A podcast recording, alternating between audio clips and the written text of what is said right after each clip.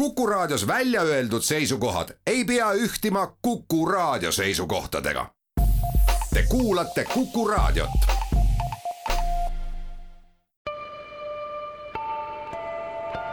ilmaparandaja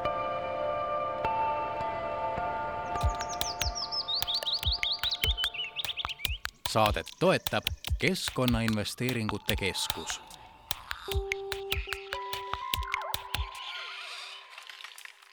Tere, head Kuku raadio kuulajad, eetris on selle nädala ilmaparandaja saade, ühtlasi selle aasta viimane.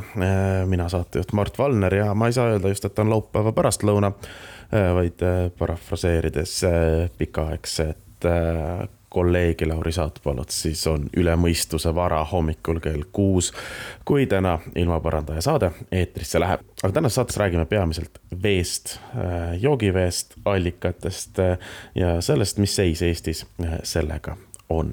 mul on hea meel, et äh, minuga on nüüd loodusajakirjanik Kristel Vilbaste, kelle tänapäeval on vist keeruline öelda, sulest on just ilmunud aga, aga raamat äh, Meie joogivesi, milles räägib allikad, kaevud, kraanid ja pudelid, ehk siis äh, kust tegelikult loodusesse vett saada.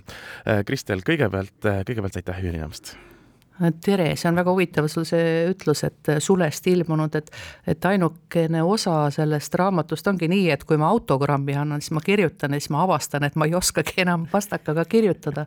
aga no sama on ju tegelikult see, et ega me ei oska ka vett enam ammutada seda kindlasti, äh, vesi tuleb äh, teadupärast äh, kraanist, elekter tuleb seinast ja piim tuleb poest, et need on need kindlad faktid, mida me tänapäeval, tänapäeval teame. aga vee teema on tõusnud viimasel ajal väga palju üles, on tõusnud, ma ütleksin, et kahel põhjusel. natuke taustana ja tean, et ka mm, keskkonnaorganisatsioonide tasemel ja ka riigi tasemel kindlasti ka mõeldakse selle peale, kui me räägime kliimamuutustest, mis võib juhtuda Eesti veevarudega, kas on oht, et meil kaovad vee, kaob loodusest kui sellisest vesi ära. ja teine, mis on palju aktuaalsem äh, või hetkel aktuaalsem, on see, mis puudutab veejulgeolekut. kui kaob elekter, kust tuleb vesi? ehk siis, kui elekter enam seinast ei tule, kas vesi tuleb endiselt kraanist? Äh, ma saan aru, et, et selles raamatus oled sa üritanud ikkagi ka inimestele selgeks teha, et, et ärge muretsege, kui kraanis ei ole, siis looduses kusagil on vett ikka olemas no kindlasti on, aga ja, ja noh, seesama need probleemide käsitlus, et, et äh, see joogivett meil noh, võib ju nii öelda, et ei ole vähe. Ja huvitav oli see, et kui ma kaks aastat tagasi tegelikult hakkasin seda raamatut kirjutama, aga tollal mulle tundus isegi, et äh, see joogivee teema ei ole nii aktuaalne kui noh, ravimtaimede kasutamine. Ja siis ma mitu aastat kirjutasin neid ravimtaimede raamatuid aga äh, see joogivee teema tuli minu juurde siis, kui me hakkasime, hakkasin uurima allikate paiknemist ja, ja siis nagu öeldi väga selgelt, et äh, vot, et äh, oli mingi oht Eestile et me olime neljakümne enim ohustatud põhjaveega maade hulgas tänu sellele, et meil kasutatakse väga palju põlevkivielektrit et põlevkivi kaevandamine, et seal on seitsmeteistkümne või tähendab ühe tonni põlevkivi kättesaamise jaoks siis seitseteist tonni põhjavett pumbatakse välja ja tõepoolest on nii, et kui käid seal Ida-Virumaal, siis äh, see vesi on ju Äh, läinud kuskil kolme meetri sügavusele, mida niimoodi noh, äh, ka kaevust ammutada saad, et mis on vanad täisallikad olid, äh, need on kuskil väga sügaval maapõues, et sa näed ainult selle koha ära mingisuguse ähm, noh, paju niisuguse tutsu järgi maastikul. Aga et kes seda siis ju oskas noh, üldse ennustada, et mis nüüd juhtumas on, et, et tegelikult ühest küljest äh, Äh, elektrit on meil nüüd ikkagi jällegi öeldakse, et on tulemas, eks ole, et tänu sellele, et põlevkivikaevandusi jälle avatakse, aga teisest küljest siis jälle jõuame tagasi selle juurde, et, et meil jääb ju jällegi põhjavett vähemaks. et see on no, niisugune nokk kinni, saba lahti, et tegelikult võib see täiesti juhtuda seda, et Eesti ongi selle neljakümne äh, hästi ohustatud põhjaveega rahva hulgas, kus pole lihtsalt vett, sest meie veesooned ju algavad sealt Pandiverest ja, ja paraku seal Pandivere taga on kõik need põlevkivikaevandused ja, ja ka Tallinna linn noh, võib arvata, et ta on seal kuskil kaugel Põhja-Eestis, aga aga ma arvan, et nad täna sel aastal nägid, mis juhtus Soodla veehoidlaga, et öeldakse küll, et sealt enam Tallinna vett ei tule, aga küllap ta tuleb. ja mitte keegi tegelikult ei teagi, et miks see asi üldse juhtus. et ähm, noh, mida, mida selle raamatuga ma püüan öelda, seda, et et me peaksime nagu rohkem tegelema oma põhjaveega et äh, meil on millegipärast, äh, nõukogude ajal olid, siis kui meil oli reaalne oht äh, elektri kadumisele, kõigele, meil olid väga selged tsiviilkaitse niisugused käsuread, et kust vett saada, tänapäeval paraku ei ole. kui ma käin siin ähm, noh, Tartus ringi, ma sain ka selle ole valmis voldiku ja, ja ma nüüd tean, et see märk seal, see oranži ja, ja sinisega kolmnurk, et see tähendab seda, et seal on varjend, ma tean, kuhu varjendisse minna aga ma ei ole näinud sellist voldikut, kus oleks kirjas, et kust ma reaalselt joogivett saan. et ähm, noh, ma täna hommikul vaatasin, et see vesi, mis, ma ei mäletagi, mis ajal see tuli, kui jälle öeldi, et vaat nüüd läheb vesi ära ja inimesed varuge endale nüüd siis või läheb, no ühesõnaga elekter läheb ära ja varuge endale vett ja siis ma panin ka noh, kanistri vett endale korralikult täis. ja täna ma vaatasin hommikul, mis sellest kanistrist saanud on Äh, see oli selline must, must vesi oli seal sees, ilmselt mingid äh, bakterid, äh, mis rauaga reageerivad kuidagi. et ähm, mm, ma ei kujuta ette, kust tegelikult saavad ähm, kortermaja elanikud vett sellisel juhul. et on küll hästi palju tegelikult tehtud neid saateid sellest, kuidas noh, ühesõnaga, kui peaks juhtuma see veekatkestus. aga siis on ikkagi, tundub, et, et see meie loogika on nagu äh, ma ütleks, selline Ameerika ellujäämisstrateegia. et äh, nii nagu praegu oli just uudis sellest, et kuidas inimesed külmusid autodes surnuks Ameerikas, sellepärast et noh, nad ootasid abi. et äh, meie tänapäevane niisugune mm, ellujäämisstrateegia on ka pigem see, et keegi kuskilt tuleb ja aitab meid äh, ma tegelikult arvan seda, et äh, noh, eestlane, nii nagu ta seal autosse ei jää, peale padaorgu vist ei ole keegi istuma jäänud autosse ja ootama, et päästjad tulevad, et ikkagi leitakse see abi kuskilt lähikonnast, nii me otsime ka siis üles need kohad, kust siis vett saada.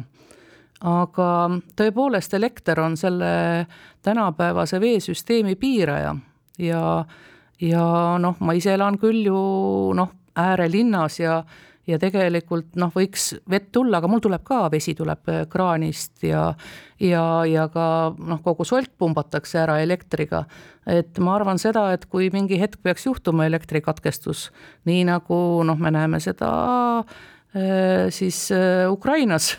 Ma olen seal raamatus, kirjutan ka sellest, et kuidas noh, mind ajendas sealt ühte peatükki kirjutama just see, kuidas üks ähm, ma ei mäletagi, mis linn, see oli ikkagi Mariupolist äh,, kuidas üks vana-vana äh, mutikene ronis ämbriga äh, keset tänavat asuvat kanalisatsioonikaevu. äh, sisse sealt ja, ja noh, tõenäoliselt ta teadis, kust koha pealt läheb puhta vee toru ja ta tõi sealt vett.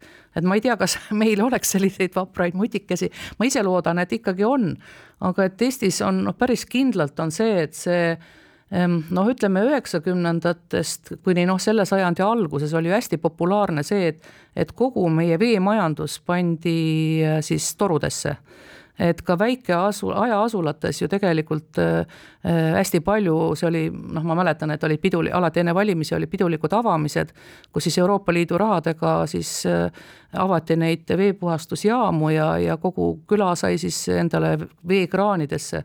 aga mis tulemus on see, et kui selline asi juhtub, et nüüd vool ära läheb, siis äh, ongi kogu see küla on nagu veeta et probleemiks ilmselt on see, et ka, et äh, sellisel juhul isegi need, kellel on vanad salvkaevud alles, nad ei ole aastaid seda kasutanud, seda vett ja vesi, kui see seisab, siis ta ikkagi hakkab seal midagi kasvama, et, et oleks vaja aeg-ajalt need kaevud ära puhastada.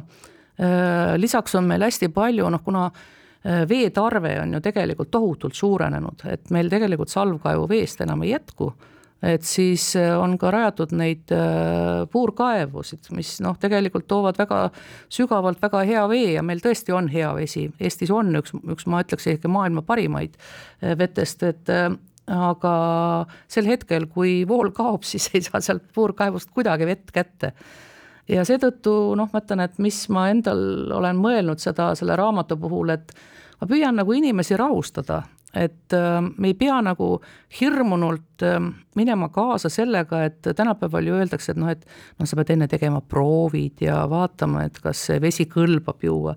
no mina ütlen seda, et kui sul on ikka janu, siis joo ükskõik mis vett ja Eestis on no, tegelikult ju äh, Äh, siis ikkagi see vesi on suhteliselt puhas, kuna meil ei ole siin, temperatuurid ei ole väga kõrged. et see vesi, mis sealt maapõuest välja tuleb, on puhas ja see hetk, kui siis noh, ühesõnaga, kus ta saastuda saab, on siis see vahepealne aste aga see aeg on ilmselt, kui on see voolav allikas või, või siis noh, palju tarvitatav kaev, siis see tõenäosus on, et see saastunud on, on ikkagi väga väike.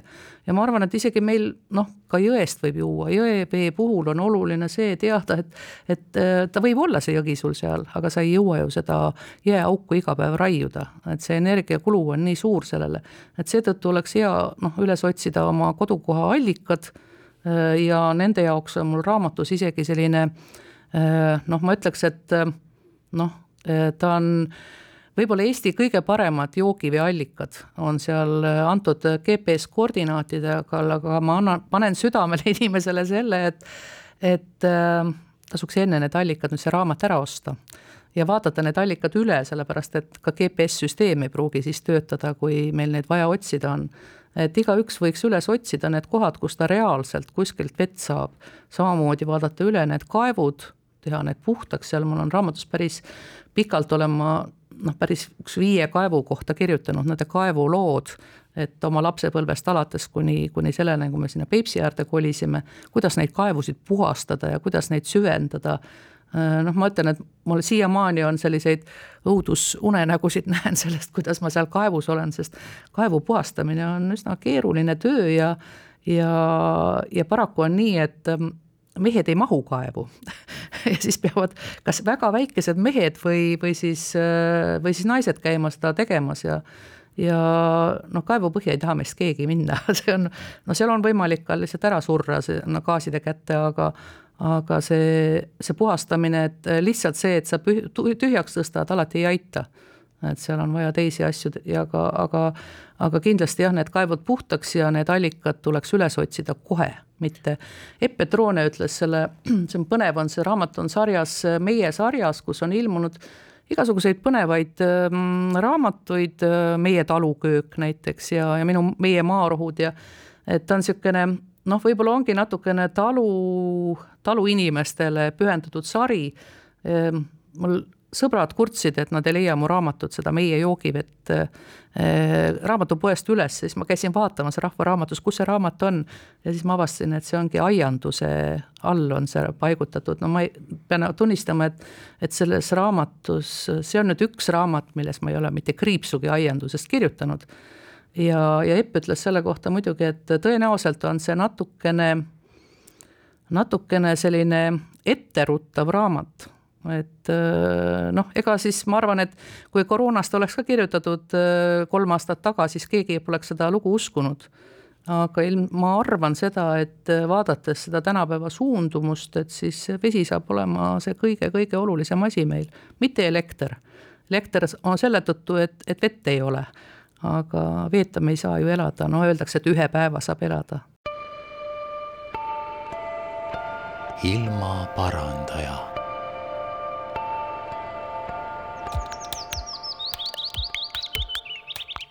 saadet toetab Keskkonnainvesteeringute Keskus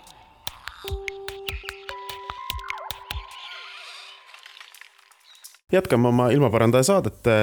minuga loodusajakirjanik Kristel Vilvaste, mina ikka saatejuht Mart Valner. kõik need mõtted, ettepanekud praegu, mida ma ka kuulan, on ikkagi noh, täpselt haja, hajaasustusele suunatud, otsi üles oma allikas ja puhasta ära oma kaev.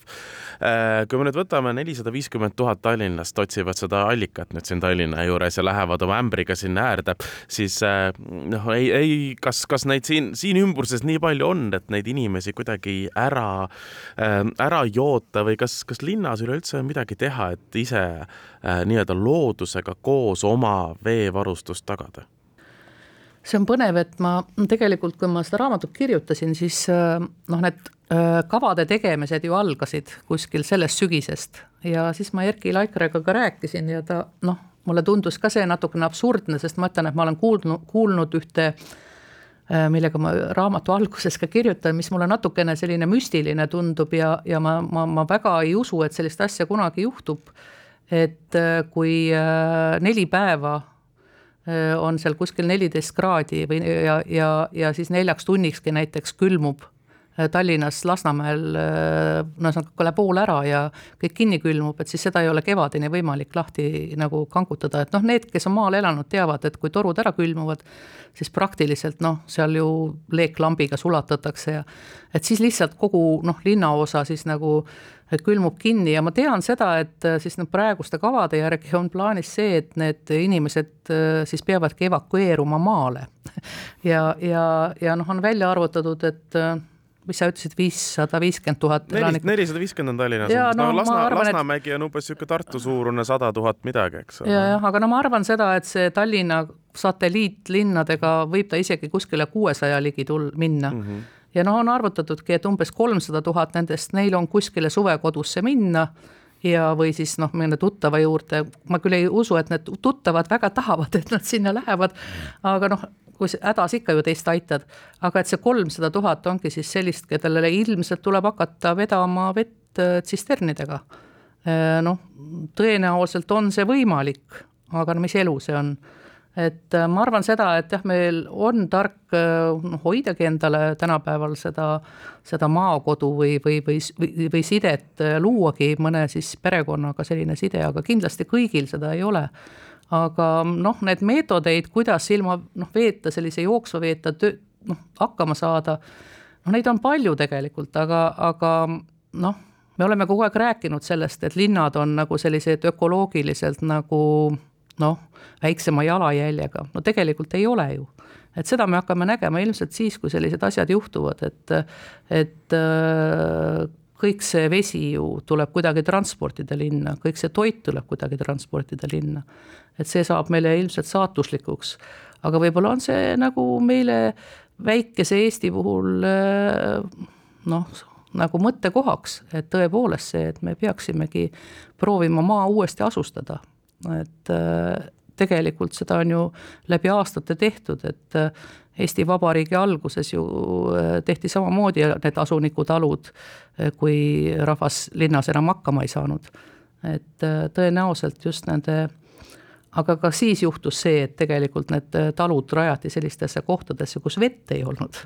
et need, ühesõnaga klassikalised kohad, kus on palju vett, et need on asustatud sajandeid ja mõisad on ju kõik selliste kohtade peal, kus on väga suured allikad ja veevarud ja taludes on, jõukamates taludes oligi vett palju.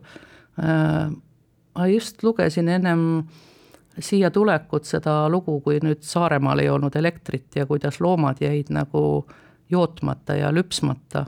siis ma mõtlesin, et äh, käisin kevadel Saaremaal ja nägin, kui palju seal allikaid on, et võib-olla on see, et me peaksime õppimagi just sedasama vett transportima mingisugusel muul moel kui elektriga lihtsalt äh, pumpates.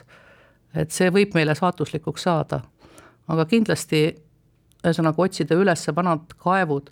Tartus oli see probleemiks ilmselt, äh, miks kaevusid enam ei ole ja ma olen käinud otsimas neid siin ja ka allikaid on kinni pandud, et et siin mingil ajal no vot, kaevud ju saastuvad ka ja sellest räägitakse ka praegu, et, et noh, nende põllumajandusmürkidega on paljud kaevud saastunud. aga Tartus oli jah see, et kui neid kuivkäimlaid ka väga palju on, siis võivad kaevud ka saastuda ja seetõttu on see vesi, no vot siis on, siis ma ei soovita igast kaevust juua aga vanasti oli tegelikult ikkagi palju rohkem neid selliseid kohti, kust juua sai, ma ei kujuta ette praegu, näiteks vanasti öeldi seda, et et rändajale ei tohi sa joogivett keelata, magamisaset ja sauna ja joogivett, need olid kolm asja. et ma ei kujuta ette, et äh, sa lähed praegu kuskil linnas ja ütled, et kas, palun mulle, kas saad mulle kaevuvett anda, maal ilmselt inimesed annavad, aga ka siis toovad nad selle kuskilt toast kindlasti, mitte, mitte kaevust, et sellist kaevuketi kõlinat ja, ja, ja siis seda vee kallamist kruusi, seda ilmselt noh, väga üksikutes kohtades Eestis kohtab. aga see võiks tagasi tulla, et äh, pole ju, pole ju midagi lihtsamat ja, ja need, kes on endale puurkaevud rajanud ja, ja ajanud kinni need vanad salvkaevud, võiks need ümber mõelda ja, ja ma olen mõelnud, et, et vot kui tore oleks, kui mingi neid on, tuleb nüüd neid äh, idufirmasid, et hakkaks mõni firma tootma selliseid käsipumpasid, mis kaevule peale saab panna, needsamu no ma ei tea, kas jõuab välja puhata sealt saja meetri sügavuselt, aga enamus puurkaevud muidugi on ju madalamad. kas üldse reaalne on, ma ei oska öelda seda. aga noh, vot see, see on nagu asi, millele me või noh, millele ma püüan ka selles raamatus nagu keskenduda, et et mitte niivõrd Äh, see ei ole oluline, mida see vesi meil sisaldab, vaid see, mis, äh, mida siis, äh, kuidas seda kätte saada, see on meil mhm. kõige olulisem asi. et praegu jah, on hästi palju neid, räägitakse, ellujäämissaated räägivad kõik sellest, et kuidas sinna vette tuleb panna siis, kuidas seda puhastada et mil, või kui sa võtad seda vett, et äh, selleks need vanad Brita filtrid, noh, tegelikult ju töötab, ma, ma üldse ei ütle midagi halba nende kohta, kui te tahate puhastada, siis loomulikult tasub puhastada. puhas vesi on alati parem.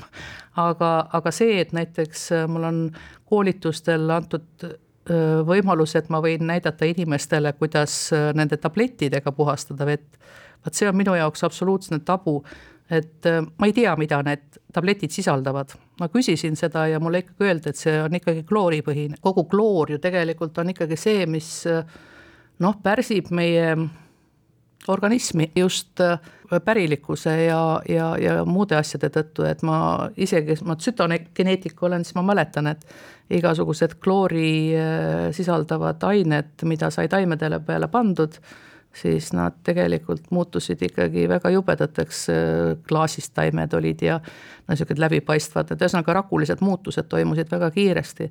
et seetõttu ma, ma küll panen südamele, et minu pärast need asjad võib küll poodi jätta. et Eesti vesi on nii puhas, et seda pole vaja, aga olulisem on see, et otsida üles need äh, kohad, kus seda vett saada. ja äh, huvitav oli näha, kuidas äh, Äh, kuskil kaks tuhat viisteist oli meil selline tohutu allikakäijate kogukond. allikate juurde tekkisid kannud ja, ja inimesed käisid väga palju. praegu on juhtunud see, et äh, kui ma nüüd käin mööda Eestit, siis ma näen seda, et aina vähem on neid jälle, neid inimesi. inimesed ilmselt muutuvad mugavaks, nad noh, kõik on olemas. aga äh, samas on olemas kohti, kus kogukond on paigaldanud näiteks allikale sellise mm, kas veetoru et äh, joogivett tasub otsida sellistes kohtades, kui te olete kuskil looduses, äh, kus on kas toru, mingi renn või on raketist tehtud kas betoonist või puidust, järelikult seda vett kasutatakse ja, ja kasutatakse just seetõttu, et sealt on võimalik koguda seda vett. Et enamus looduslikud allikad, et siis te saategi sellise liivahäguse äh, vee ja seda te ei taha juua, noh, ka paljudes kohtades ju meil ikkagi see huumust läheb sisse, et kui taevas kui emaläte sisse kukkus, siis seal oli noh, inimesed kurtsid, et nädalaga läks vesi nagu käima, et hakkas seal kõik kasvama. aga siis juhtuski see, et see puude vahelt pudisenud huumuskiht, kui sattus sinna allikavette ja, ja see hakkaski nagu kasvama et äh, meil see on, see probleem on, aga et äh, kui teha sinna ümber korralik raketis, siis need kohad on puhtad.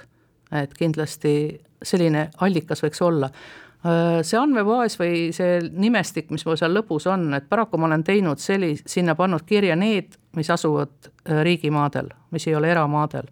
sest ähm, mm, noh, inimesed tegelikult ei taha, et väga palju käiakse nende maadel ja mul on olnud ka ühel juhul selline asi, et on pärast pahandatud, et miks ma avalikustasin allika. aga, aga tegelikult on iga majapidamise juures on olemas, olemas kas allikas või siis tõesti olemas kaev.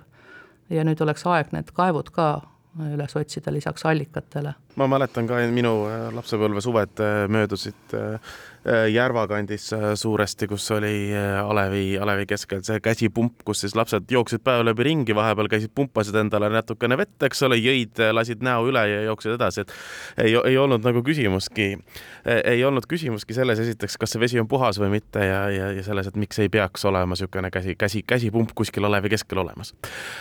kas Eesti vett võib juua, ma saan aru, et sa oled öelnud praegu, et see on looduse puhas, aga me räägime hästi palju ka näiteks vee keetmisest. Kas me peaksime keetma loodusest tulevat vett enne või me või võta, võta ja joo ära? Äh, kui ma veel tudeng olin, siis me käisime kevadeti äh, ikka paadimatkadel ja siis meil oli hommikuti selline nali, et me ei teadnud, kus noh, jõe ääres, kus oli mõni kevadel uppunud põder välja ujunud ja siis me ikka naersime, et kuskil seal lähedal ilmselt on üks põder kuskil okste taga kinni, et kas joome täna hommikul põdrapuljongit ka.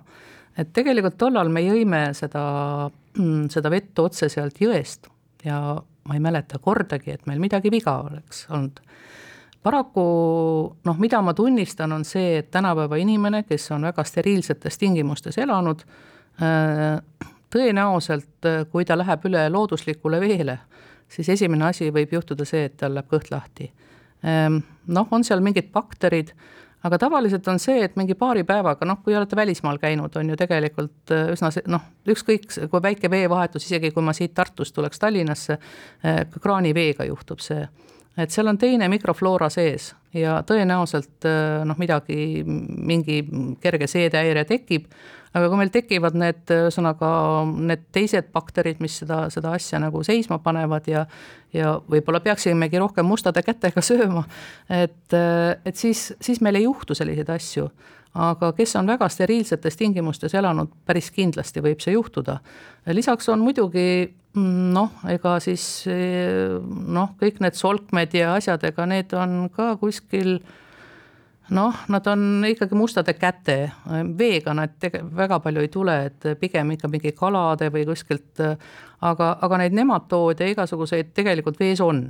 aga tõenäosus et te saate selle nematoodi või, või mingisuguse veest mingi haiguse, on umbes sama suur kui see, et ähm, see poevesi on, sisaldab mingit, poest ostetud vesi sisaldab mingisuguseid plastiühendeid, plastist, plastpudelist tulnud ühendeid, mida te aastate jooksul teie organismis kuhjuvad ja mis tekitavad näiteks mingisuguse kestva noh, tervisehäire.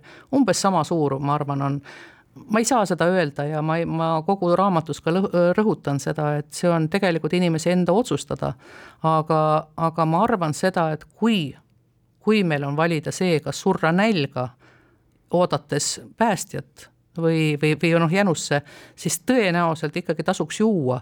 ja noh, äh, räägitakse sellest näiteks, et rabavett ei tasu juua ja lumesulamisvett ja, ja, ja siis äh, ka seda äh, vihmavett, et seal on vähe mikroelemente ja see võib tekitada sellise häire, aga no ühe korra, kaks korda võite sealt ikkagi juua, hullem on see, et jah, kui te külma vett väga palju joote, siis lihtsalt see võtab, noh, kui teil on vaja midagi teha, võtab teil jõu ära, et pigem seetõttu see soojendatud vesi või keedetud vesi on alati kasulikum.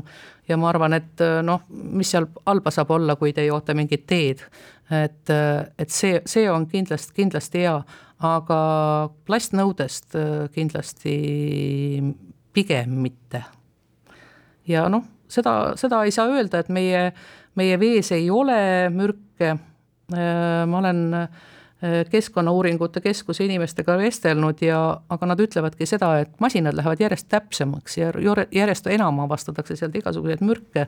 aga see ei pea olema see hirm, et me ei tohi nüüd juua loodusest, et äh, ma pigem õpetaks, kui vähegi võimalik, kas või praegu minna välja kuskile loodusesse, ma käisin just ühe Ukraina ravimtaimeteadlasega Punasel allikal ja see oli väga põnev vaadata, et nad alguses ka nagu pelgasid juua ja noh, kui äh, siis pudelisse tuli ka vesiämblik, siis nad olid natukene hämmastunud ja, ja, ja siis, kui ma hakkasin seal jooma ja silmi pesima, pesema, siis nad ütlesid, et oh, see on nii külm ma ütlesin, et noh, praeguse temperatuuri juures kindlasti see allikavesi on ju soojem kui, kui õuetemperatuur, et täiesti mõnus, et pistad käed sisse ja soojendad käsi pigem.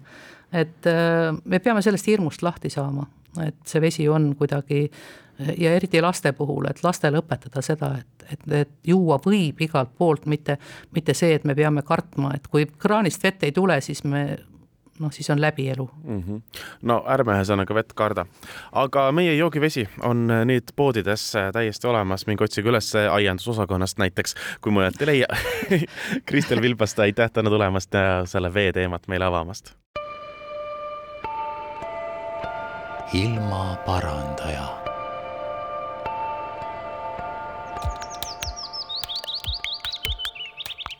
saadet toetab Keskkonnainvesteeringute Keskus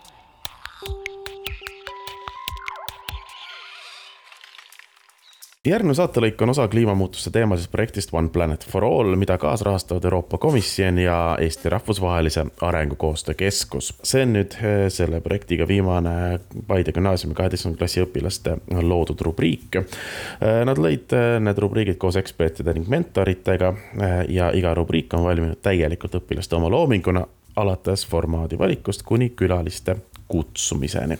täna siis teemaks ühistransport ja seda eelkõige Järvamaal ning see, et äkki peaksime natuke vähem autoga sõitma. ilmaparandaja. tervist, mina olen Paide gümnaasiumi Prima üks õpilane Mikko Moppel ning minuga on klassikaaslased Raul Ruugna ja Merlin Klemm. ning meie täna arutame siis liiklemisharjumusi Järvamaal. samuti tuleb teemaks ka bussiliiklus, samuti Järvamaal meie saate eesmärk on suunata inimesi vähem liikuma oma sõidukitega ja rohkem ühistransporti kasutama ning võimalustel ka kasutada ratast või käia jala. me oleme siis välja toonud mõned probleemid, mida meie selle teemaga siis eh, noh, näeme kaasnevat. Eh, esimeseks on siis kiire linnastumine, eh, siis kindlasti ka suurem õhusaaste. meil on kasutada aina vähem ja vähem ressursse. see, et inimesed sõidavad nii palju autodega, see on siis äh, üks suurimaid kliimamuutuste põhjustajaid praegu. see on kindlasti ka väga aktuaalne probleem Järvamaal, sest et äh, Järvamaal on suhteliselt kehv bussiliiklus ja viimasel ajal siin toimub ainult avariisi minu arust. ja siis kindlasti tahaksime ka näha ja õppida võib-olla, et äh, kuidas siis enda ökoloogilist jalajälge vähendada. uurimisküsimus, millele tahaksime siis vastuse leida on, kui palju mõjutavad inimeste transpordiharjumused õhusaastet ning kas inimeste transpordiharjumust oleks võimalik kuidagi muuta. esimeseks teemaks on siis bussitransport Järvamaal. me keskendume pigem bussiliiklusele ümber Paide või Paide läheduses. kahe tuhande kahekümnenda aasta rahulolu-uuringu tulemusena selgus, et Paides on suureks mureks halb bussitransport ja teede seisukord halva bussitranspordi tulemusena on inimesed suunatud kasutama rohkem autosid ning seetõttu ka loogiliselt suureneb autode arv teedel. sellega kaasneb siis lisaks tihedam liiklus ning äh, suure auto hulgaga ka liiklusõnnetusi toimub rohkem. ja vot selle ma enne tõin ka välja, et liiklusõnnetused tõesti, et kui vaadata Paides uudiseid, siis äh, viimase kuue jooksul on minu tänaval toimunud äh, vähemalt neli liiklusõnnetust või avariid. Neid on tõesti Paides palju toimunud lisaks autodest väljuvad heitgaasid rikuvad siis äh, õhu kvaliteeti nii linnas kui ka siin ümbritsevatel aladel ja on kindlaks tehtud, et õhukvaliteedi äh, langus mõjutab tugevalt ka inimesi, seega võivad kaasneda peavalud ja muud vaimse tervisega seotud probleemid. statistika võtsime siis, et äh, Euroopa Keskkonnaagentuuri andmetel tekkis kahe tuhande seitsmeteistkümnendal aastal kakskümmend seitse protsenti Euroopa kasvuhoonegaasidest transpordisektoris, millest siis seitsekümmend kaks protsenti olid maismaatransport. tõenäoliselt on sellest äh, maismaatranspordist enamik ka autod, kuna keskmiselt pere kohta on üks ja pool autot, näiteks äh, Eestis või vähemalt Paide läheduses. Äh, minu peres on mu emal isal autod, ehk siis meie pere kohta on kaks autot ning hetkel oleme siis kolmekesi. Aga ma küsiksin teie käest, et palju teil peres autosid on? hetkel on ka kaks aga oli kolm. siis ütleme ausalt, et eh, minu perekond on siis väga keskkonnasõbralik, et siis meil on pere peale üks auto ning seda kasutame ka ainult siis, kui tõesti vaja on, et siis eh, Paide linnas me, meie perekond ei näe väga mõtet raisata autot mingi lühikeste sõitude peale, vaid otsustame käia kas siis jala või siis bussiga mujal. Ma lisaks küsisin Merlin, kas sa tunned seda vajadust selle kahe auto järele? ei, absoluutselt mitte. ses suhtes, et äh, kuna mina suhteliselt hiljuti tegin oma load ära, siis ma olen väga harjunud veel sellega, et ma sõidan bussiga või käin jala või äh, käin rattaga. et äh, mina absoluutselt ei tunne vajadust. ma lisaksin siinkohal ka selle, et minu peres üks auto on siis kasutusel tööalaselt ning teine siis tööle jõudmiseks, mis on siis natuke väljaspool Paidet. aga kui oleks võimalus bussiliiklusega sinna tööle jõuda, siis kaoks see auto vajadus täielikult. aga kui bussiliiklus on nii efektiivne, siis võiks ju seda kuidagi parandada. aga mida te arvate, kuidas saaksime parandada bussiliiklust siis Järvamaal või kuidas muuta seda efektiivsemaks? Äh, peamine liin Järvamaal on siis äh, Särevere, Türi, Paide. ja noh, see käib nagu enam-vähem, see käib, vist praegu käib mingi tunni aja tagant, midagi sellist ähm,. aga no Järvamaa, seal, on nagu palju kohti veel, näiteks Viraksaare või Viisu äh,, kus käib mingi paar korda päevas ainult buss, mis on suhteliselt probleemne mis juba näitab seda, et inimene peab oma autot kasutama, et äh, näiteks tulla tööle või äh, ma ei tea, viia lapsed huviringidesse, mida iganes. tõesti on raske leida lahendust, kuidas võimaldada inimestele transporti siis huvitegevustesse mm, -hmm. mis toimuvad õhtuti äh, ning kuidas siis leida parim aeg kõigi inimeste jaoks. et siis jah, et need õhtused trennid just, et meil oleks vaja parandada õhtusi bussiaegu, sest äh, õhtuti enam nii regulaarselt ei käi, seal käib iga tunni tagant või isegi rohkem. ehk siis trennilastele on jah, siis tähtsam see bussiliiklus, et kui koolipäevadel nii väga õpilast ei mõjuta bussiliiklus, siis õhtuti, kui sa pead tund aega bussi ootama, siis sa väga kodus ei jõua õppida. ja mõnel, mõnel juhul on isegi see, et bussi lihtsalt enam ei lähe. näiteks äh, minu trennikaaslased et äh, meil trenn lõpeb umbes üheksast õhtul, võib-olla isegi hiljem ja siis on äh, nende jaoks oluline jõuda koju. kui on hästi, siis sa elad Türil ja sul tuleb buss järgi. kui näiteks Viisu või Roosna-Allikule seda bussi enam ei lähe ning nad on sunnitud kutsuda enda vanemad järgi või sõitma ise autoga. Äh, kindlasti suur osa probleemist on veel see ka, et mõned on siis sunnitud sõitma autoga aga on väga palju inimesi, kes äh, ei viitsi käia jala või ei viitsi käia bussiga. et nad eelistavadki autot. jah, see kindlasti oleneb inimeste harjumusest, kuidas nad on, äh, kuidas see on nende jaoks mugav, kas, kui lihtne see on nende jaoks mm. -hmm. kas nad väärtustavad äh, seda aja kokkuhoidu, ütleme noh, heal juhul viisteist minutit ajavad kokku või mõnikord isegi rohkem aga võib-olla lahendus siis selle, kuidas inimesed sõidaksid bussiga, ongi, et äh, rääkida linna või vallavalitsusega ning äh, teadvustada neid probleemist või siis äh, suunata neid pidevalt sellega tegelema ja neid peab siis kogu aeg tagant torkima, et seal midagi siis toime tuleks või toime saaks. et äh, graafika parandamine oleks tõesti üks probleemile hea lähenemisviis. kuid ka peab inimestele tegema selgeks, et et eh, kas tõesti sõidad selle ühistranspordiga, see on rohkem kasulik, kui kasutada ise eh, sõiduvahendit. jaa mul tuli mulje, et saaks näiteks eh, teha kampaania linnas, et sõida bussiga, käi jala ähm,, sõida rattaga. võib-olla panna mingi auhind välja see on väga hea mõte, aga samas veel üks moodus, kuidas seda teha saaks, oleks muuta bussiga sõit kasulikumaks kui autoga sõitmine, et äh, näiteks finantsiliselt siis või mingitel äh, muudel viisidel. kuidas näiteks? näiteks on äh, Londonis on kasutatud äärmuslikult meetmeid, kus kehtestati siis maksud autodele ja näiteks ummikumaks, mis muudavad siis autoga sõitmise kallimaks ja su suunavad inimesi kasutama ühistransporti. ja et kas nüüd finantsiliselt kasum, et siis bussiliiklus on ju tegelikult Järvamaal siis tasuta, et see pealinn eriti minu arust see finantsiline veel, aga tegelikult noh, kõige tähtsam on ju see, et ta on äh, meie enda tervisele kasulik ja ta on ka samamoodi tegelikult teiste tervisele kasulik, kui me käime bussiga või jala või rattaga. et äh, inimestele peaks seda vahepeal meelde tuletama, et see kipub meelest ära minema. kui tõesti tuua välja see Londoni näide, siis et äh, makse panna autodele, nagu näiteks on ka Soomes ju niimoodi, et siis iga aasta sa pead maksma teatud makse et kui sa sõidad oma autoga.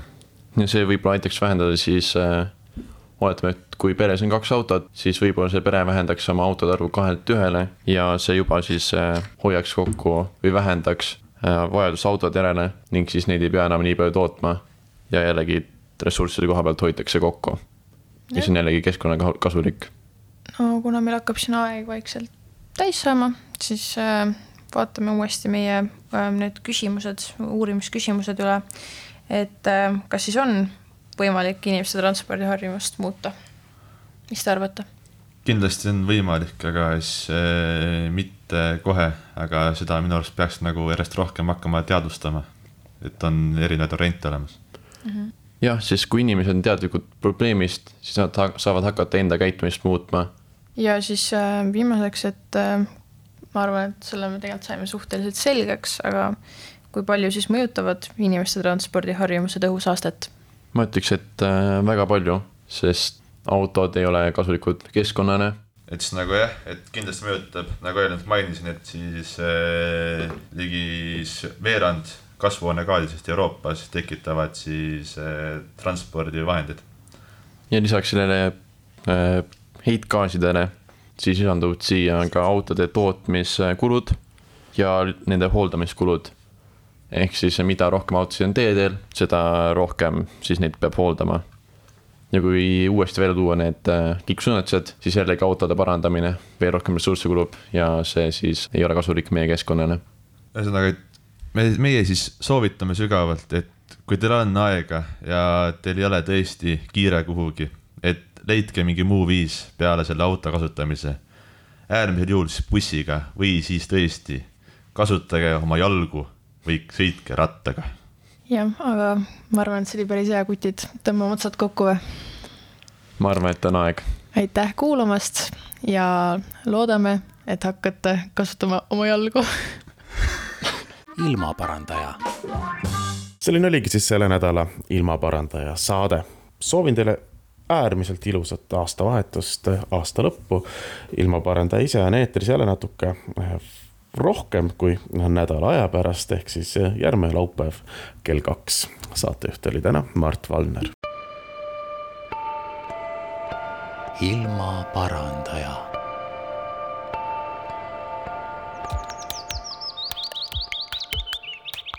saadet toetab Keskkonnainvesteeringute Keskus